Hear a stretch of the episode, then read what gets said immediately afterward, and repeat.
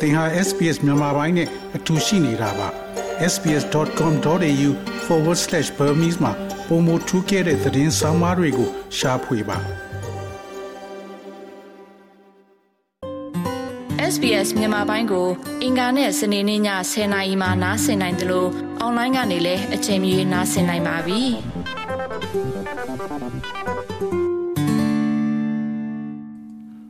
ဩစတြေးလျကမ်းခြေတွေအကြောင်းကိုစဉ်းစားတဲ့အခါငမန်းတွေနဲ့တွေးဆုံနိုင်ခြင်းကိုသတိရတတ်ပါတယ်။ကြီးမားသောကျွန်းနိုင်ငံဖြစ်တဲ့ဩစတြေးလျနိုင်ငံတွင်ငမန်းမျိုးကွဲများစွာရှိပါတယ်။ဒါပေမဲ့ငမန်းမျိုးစိတ်အများစုသည်လူသားများကိုချိန်ချောက်မှုအနှဲငယ်သို့မဟုတ်လုံးဝမရှိပါဘူး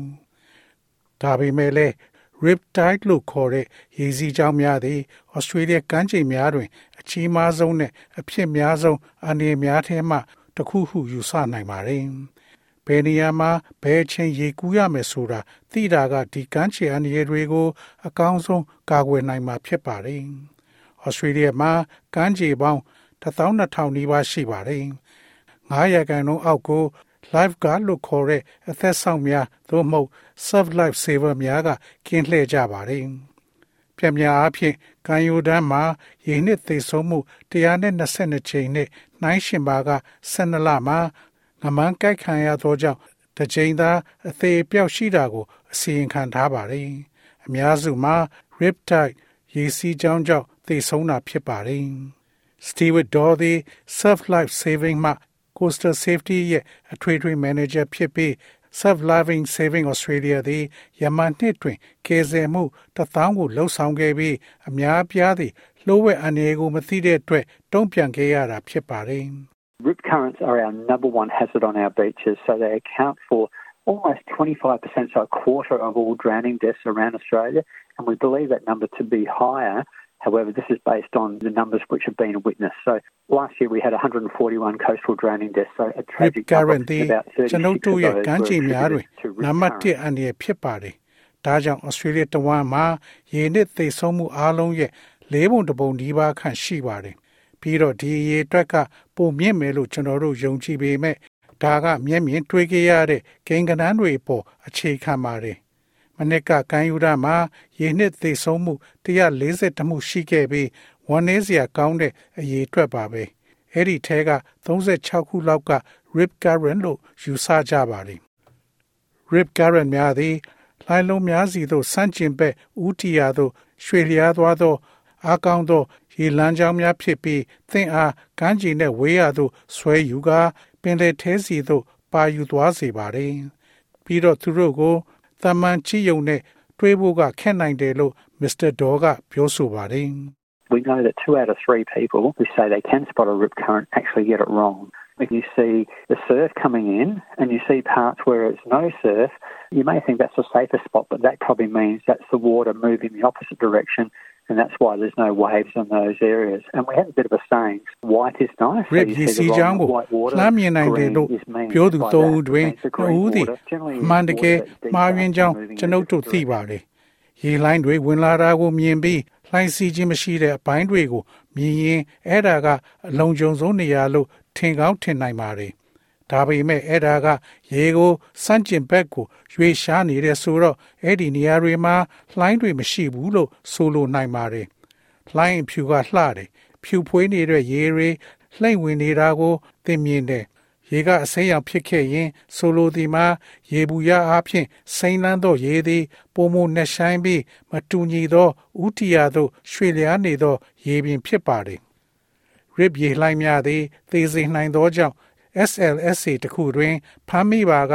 အောက်ပါအချမ်းဉာဏ်များကို ပေးပါတယ်။စိတ်ငြိမ်ငြိမ်ထားပြီးသင့်စွမ်းအင်ကို ထိမ့်သိမ့်ထားပါလက်ကိုမြှောက်ပြီးအကူအညီတောင်းခံပါရေစီးကြောင်းနဲ့မျောပြီးလိုက်ပါသွားပါ၎င်းသည်သင်အားတိမ်သောတောင်ရန်သို့ပြန်ပို့ပေးနိုင်ပါတယ်သို့မဟုတ်ကမ်းခြေနှင့်အပြိုင်သို့မဟုတ်လှိုင်းကြီးများစီသို့ rip မှရုံထွက်ရန်ရေကူးပါဒါပေမဲ့ရှိန်ဒေါ်က အကောင်းဆုံးအကြံပေးချက်ကတော့အန္တရာယ်ကင်းတဲ့နေရာမှာရေကူးဖို့ပါပဲ We really encourage people to think about where they're swimming, their own capacity, their own ability, and where possible, swim at a patrol beach between those red and yellow flags. 76% of drowning deaths that we had over the past 12 months actually occurred one kilometre away from a life saving service. So the key message for people is when they're heading to the beach, no matter who you are, look for a patrolled location. So the red and yellow flags လူတွေကိုသူတို့ရေကူးတဲ့နေရာသူတို့ရဲ့လုံနိုင်တဲ့စွမ်းရည်သူတို့ရဲ့ကိုယ်ပိုင်စွမ်းရည်တွေကိုစဉ်းစားဖို့တကယ်ကိုအားပေးတယ်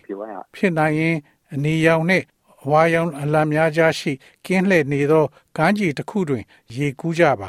လွန်ခဲ့တဲ့12လအတွင်းကျွန်ုပ်တို့ရရှိခဲ့သောရေနှစ်သေဆုံးမှုရဲ့86ရာခိုင်နှုန်းသည် အသက်ကယ်ဝန်ဆောင်မှုမှ1ကီလိုမီတာအကွာတွင် အမှန်တကယ်ဖြစ်ပွားခဲ့တာဖြစ်ပါတယ်။ဒါကြောင့်လူတွေအတွက်အထူးက message ကတော့သင်ဘယ်သူဖြစ်ပါစေကမ်းခြေသို့သွားတဲ့အခါကင်းလှဲတဲ့နေရာကိုရှာဖွေပါ။အနီရောင်နဲ့အဝါရောင်အလားများသည့် serve life saver များသို့မဟုတ်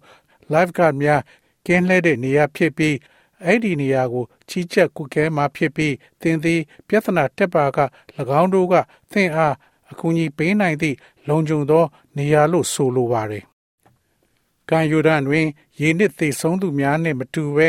ငမန်းတိုက်ခိုက်မှုများသည့်ကြုံတော့ကြုံခဲ့ဖြစ်ရများဖြစ်ပါတယ်။ဒေါက်တာဖိုဘီမဲဂသီ Taronga Conservation Society တွင်တော်ရိုင်းတရိษံများထိမ့်သိမ်းရေးအရာရှိတဦးဖြစ်ပါတယ်။ သူမသည်1800ခုနှစ်ကတည်းက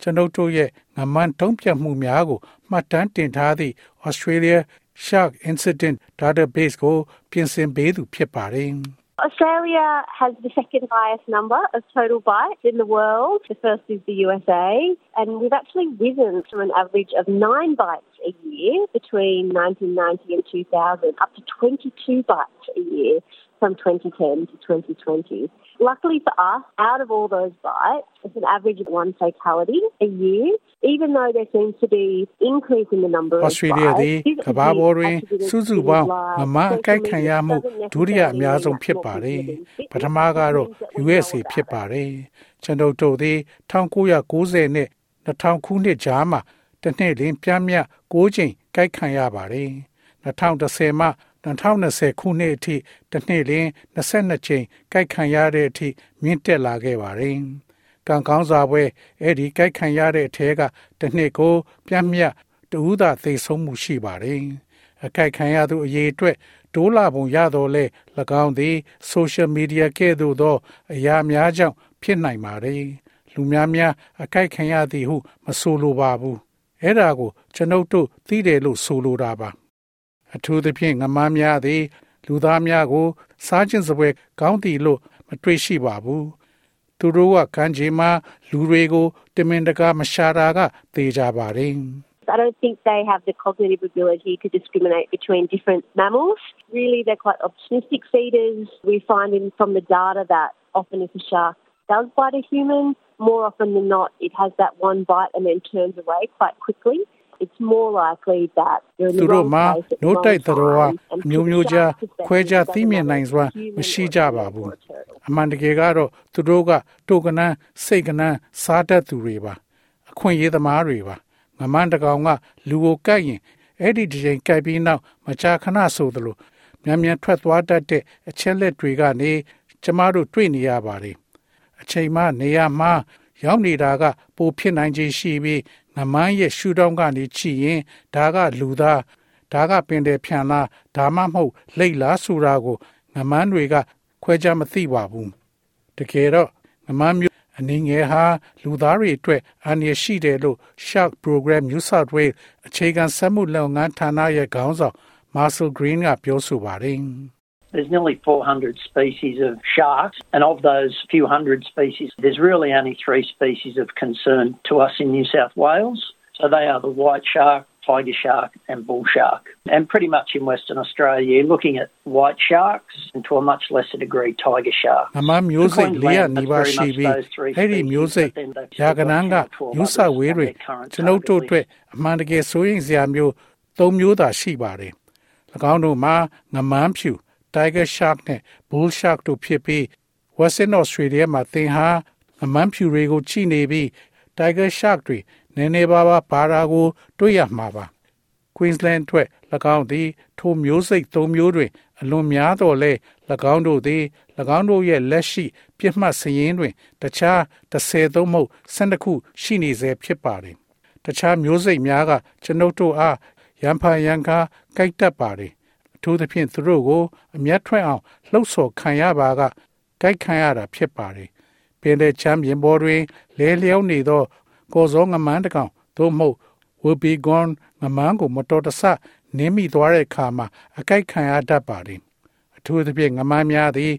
အန္တရာယ်မရှိပါဘူးအထူးသဖြင့်ခံမန်းရခက်ခဲပြီးတေဆုံးမှုများဖြစ်စေနိုင်သည့် ပြစ်မှတ်သုံးမျိုးငမန်းနှင့်နှိုင်းရှင်ပါကအန္တရာယ်ရှိကြောင်း Mr. Green မှပြောကြားပါတယ် They're like teenage kids in some respects. Every one of them's different. Everyone behaves differently. We have what we describe as some generalised movement patterns. So we know that white sharks are what we call a cooler water species. Heavy rainfall generally drives bull sharks out of rivers. Tigers and bull sharks are what we call more of your dawn and dusk animals. တချို့ဆယ်ကျော်သက်ကလေးတွေလိုပါပဲတယောက်နဲ့တယောက်မတူကြသလိုတချို့ကမတူကွဲပြားတဲ့အမူအကျင့်တွေရှိကြပါတယ်သို့သောကျွန်ုပ်တို့တွင် ရေဘူးရအားဖြင့်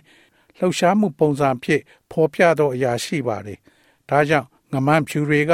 ပိုအေးတဲ့ရေမှာနေတဲ့အမျိုးအစားလို့ခေါ်နိုင်ပါတယ်မိုးတီထန်းစွာရွာသွန်းခြင်းသည် ရေဘူးရအားဖြင့်ဘိုးရှငမန်းများကို မြင့်များမှဆွဲထုတ်လာနိုင်ပါတယ်ကျွန်ုပ်တို့ကို အများဆုံးကြိုက်တဲ့တရိษံမှာငမန်းဖြူဖြစ်ပြီးငမန်းဖြူများသည်နေဘက်တွင်ကျွန်ုပ်တို့အဓိကကြိုက်သည့် Tiger Shark နှင့် Bull Shark များသည်သင်ရဲ့အာယုံဦးနှင့်နေဝင်ရီတရောမှထွက်တဲ့တရိษံများဖြစ်ပါတယ်အရင်အမြင့်များကို New South Wales Western Australia နဲ့ Queensland Sheep Shark Smart အပါအဝင်သတင်းအချက်အလက်များကို Australia တဝန်းတွင် ရရှိနိုင်ပါတယ်။အဲဒီ Shark Smart App တွင်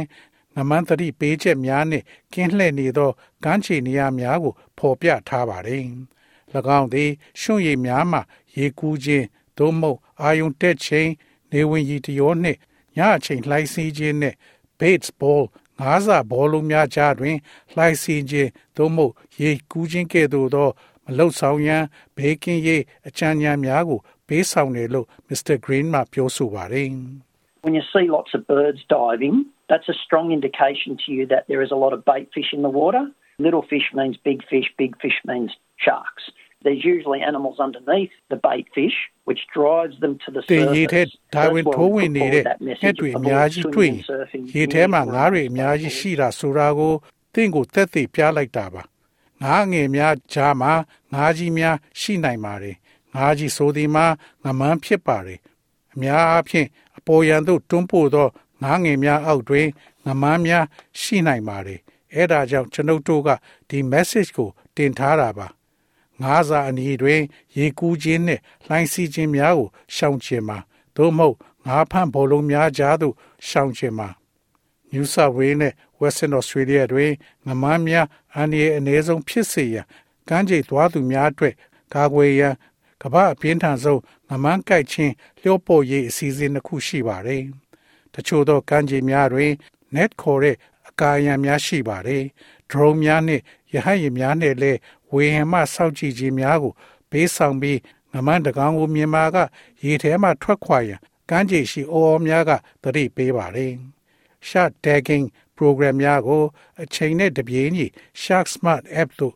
ငမန်းရဲ့တင်နေရာကို ပေးပို့ရန်အတွက်အသုံးပြုပါတယ်။ထို့အပြင် surfer များအတွက်ငမန်းအဟံတာကရိယာများဝစ်စင်ရန်ပြင်းထန်သော အားပေးမှုတွေလည်းရှိပါတယ်။ဒါပေမဲ့အဓိကဘေးကင်းရေးအကြံပြုချက်ကတော့ကင်းလှည့်နေတဲ့ခန်းကြီးမှာတငယ်ချင်းတစ်ယောက်နဲ့အမြဲတမ်းရေကူပြီးလှိုင်းစီးဖို့ပါပဲလို့ပြောလိုပါတယ် The best way you actually can find a patrol beach is visit beachsafe.org.au. That's an app which is available in about 100 different languages and will give you a whole pile of different safety tips. The key thing is if you are looking to go to a beach, swim at a patrol beach. ကင်းနေနေ between those တဲ့ three ခန်းကြီး flags. ကိုတင်ရှာတွေ့နိုင်တဲ့အကောင်းဆုံးနည်းလမ်းကတော့ beachsafe.org.au မှာဖြစ်ပါတယ်။၎င်းသည်ဘာသာစကားတရားခန့်ဖြင့်ရရှိနိုင်သော app တစ်ခုဖြစ်ပြီးသင်အားမတူညီသော ဘေးကင်းရေးဆိုင်ရာအကြံပြုချက်များစွာကို ပေးထားပါတယ်။အရေးကြီးတာကကမ်းခြေကိုသွားခြင်းရင်အဲ့ဒီအနေရောင်နဲ့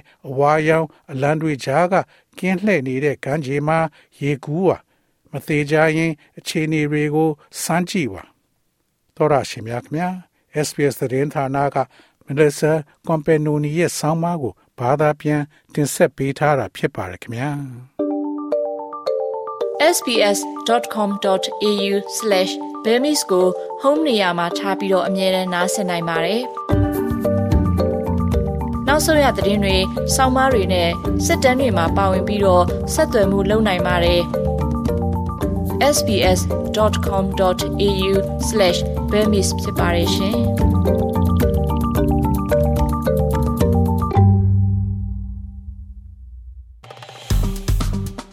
SPS မြန်မာပိုင်းကို Facebook ပေါ်မှာ like ရှာပြီး like မျှဝေမှတ်ချက်ပေးပါ